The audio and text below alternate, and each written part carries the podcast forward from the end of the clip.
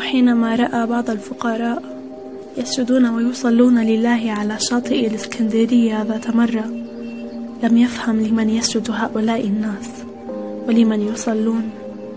كيف يعطينا الله حياة لننفقها من أجل حياة أخرى؟ أين الله هذا الذي يعبدونه؟ إنه لا يفهم هذا الكلام. إن معبوده في كأس نبيذ أو بين ذراعي امرأة. يا له من نسيم منعش يا لها من ليلة دافئة. راح يغني أغنية إيطالية ويدمدم في استرخاء لذيذ. وهو ينزل الدرجات إلى ستيريو على بابه صور عارية. وعلى البار وجدها ليس أجمل منها ولا في الأساطير. يا له من خصر ضامر وردف ممتلئ وشفتين مثل كرزتين تتدفقان دما وحيوية. تصور نفسه يطبق على هاتين الشفتين ويغيب في هذا الردف. يا لها من ليلة دافئة معطرة. يا لها من امرأة تثيره حتى النخاع. وراح يغني أغنية بذيئة. رمز له البارمان بأنها أميرة إيطالية. ولكن لا يوجد شيء مستحيل لمن يملك الثمن. وهمس في أذنه وهو يصب كأسا. إنه يمكن أن يدبر له كل شيء بألف ليرة. العشاء والشراب وجنة من فواكه لبنان وأنهار من نبيذ بوردو ونبع فوار من الشامبانيا الفرنسية الفاخرة. ومال عليه يروي قصة الذين فقدوا عقولهم بعد قبلة من هاتين الشفتين. حسنا يا عزيزي البرمان لا مانع عندي أن أفقد عقلي أنا الآخر. وأفقد كل ما في جيبي أيضا. الآن وفورا. وألقى بالكأس جرعة واحدة في جوفه. وتأبط الفتاة وكأنه يتأبط العالم كله. قالت له الفتاة على الدرج وهي تلقي بشعرها على كتفه. إيطالي؟ لا يا أميرة أحلامي بل غجري من وادي صوفيا من بلاد الكروم والموسيقى والرقص. ولكنني أستطيع أن أكون إيطاليا من أجل عينيك. أنا أستطيع أن أكون دائما كما تريد الحسان الفاتنات أمثالك. واعتنقا على هل حدث زلزال فجأة؟ لقد شعر بالأرض تميد تحت قدميه وسقط جزء من السقف. وانطلقت من كل مكان أصوات الرشاشات والهاونات وقذائف المدفعية الثقيلة والصواريخ. واشتعلت السماء بوهج أحمر. مرت لفحة من الهواء الساخن على خده كأنها سيف محمى.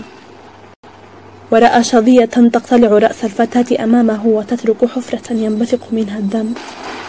رأى نفسه يحتضن جثة.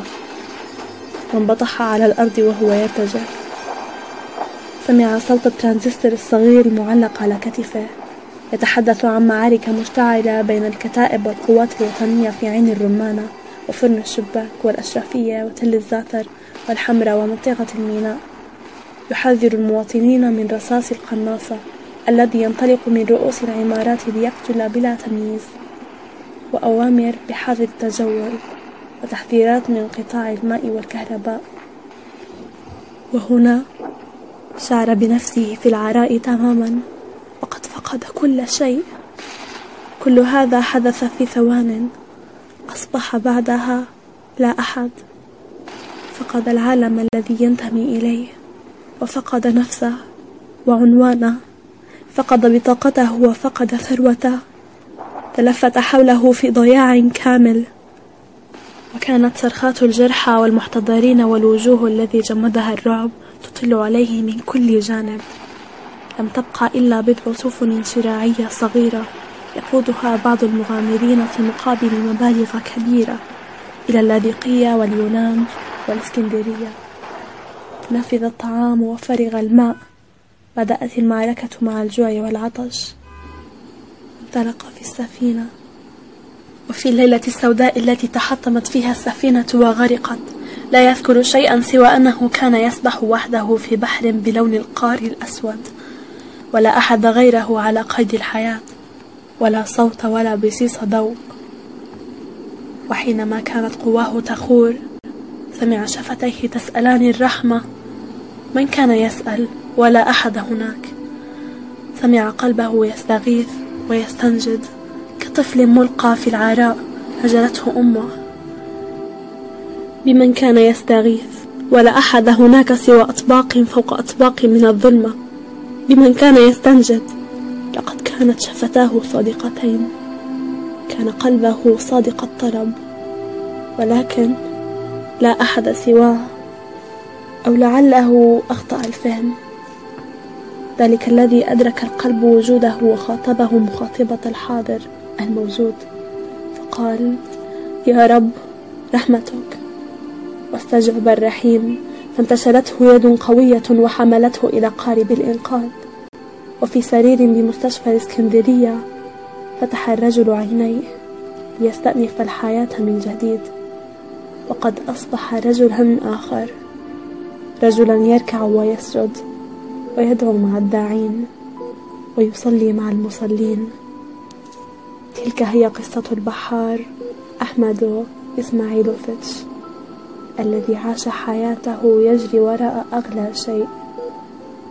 والذي عرف أخيرا ما هو أغلى شيء.